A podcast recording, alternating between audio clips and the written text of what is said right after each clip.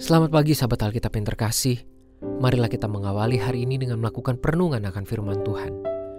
Bacaan Alkitab kita pada hari ini berasal dari kitab Kejadian pasalnya yang ke-13 ayat 14 sampai 18. Setelah Lot berpisah daripada Abram, berfirmanlah Tuhan kepada Abram, Pandanglah sekelilingmu dan lihatlah dari tempat engkau berdiri itu ke timur dan barat, utara dan selatan Sebab seluruh negeri yang kau lihat itu akan kuberikan kepadamu dan kepada keturunanmu untuk selama-lamanya.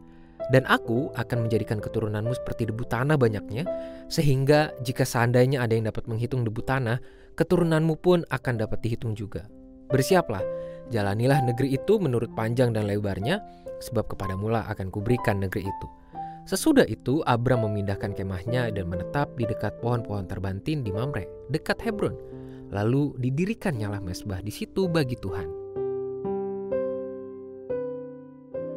Perpisahan antara Abram dengan Lot tentu bukanlah suatu hal yang menggembirakan. Terlebih kondisi ini terjadi karena sebuah konflik. Posisi Abram pada penyelesaian konflik ini pun terbilang berada pada pihak yang dirugikan. Lot memilih wilayah yang terbaik, paling tidak menurut penilaian Lot pada saat ia mendapatkan kesempatan untuk menetapkan wilayah. Hal ini berarti Abram hanya mendapatkan wilayah sisa yang dianggap tidaklah lebih baik dari wilayah yang dipilih oleh Lot.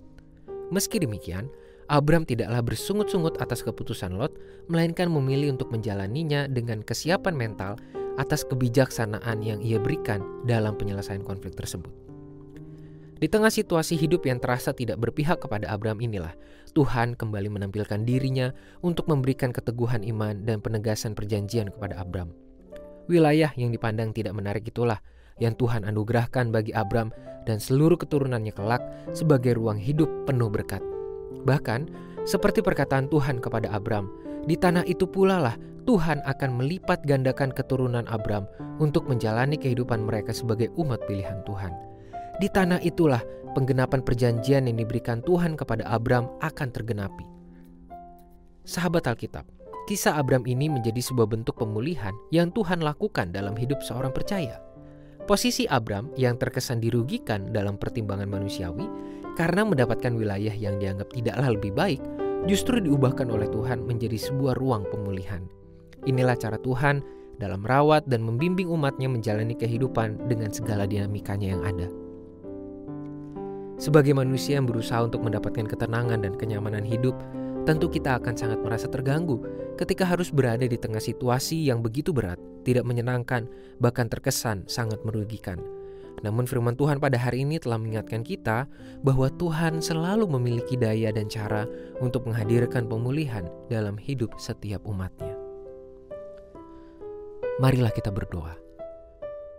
Tuhan terima kasih untuk setiap anugerahmu, untuk semua berkat yang boleh kami rasakan dan terima dan kami alami.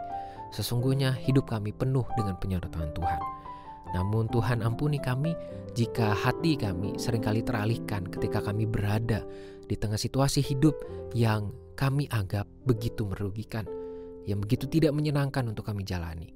Tolong kami Tuhan untuk selalu mengingat dan percaya bahwa Tuhan selalu memiliki cara dan daya untuk memulihkan kehidupan kami. Hanya di dalam nama Tuhan Yesus kami berdoa dan menyerahkan seluruh kehidupan kami. Amén.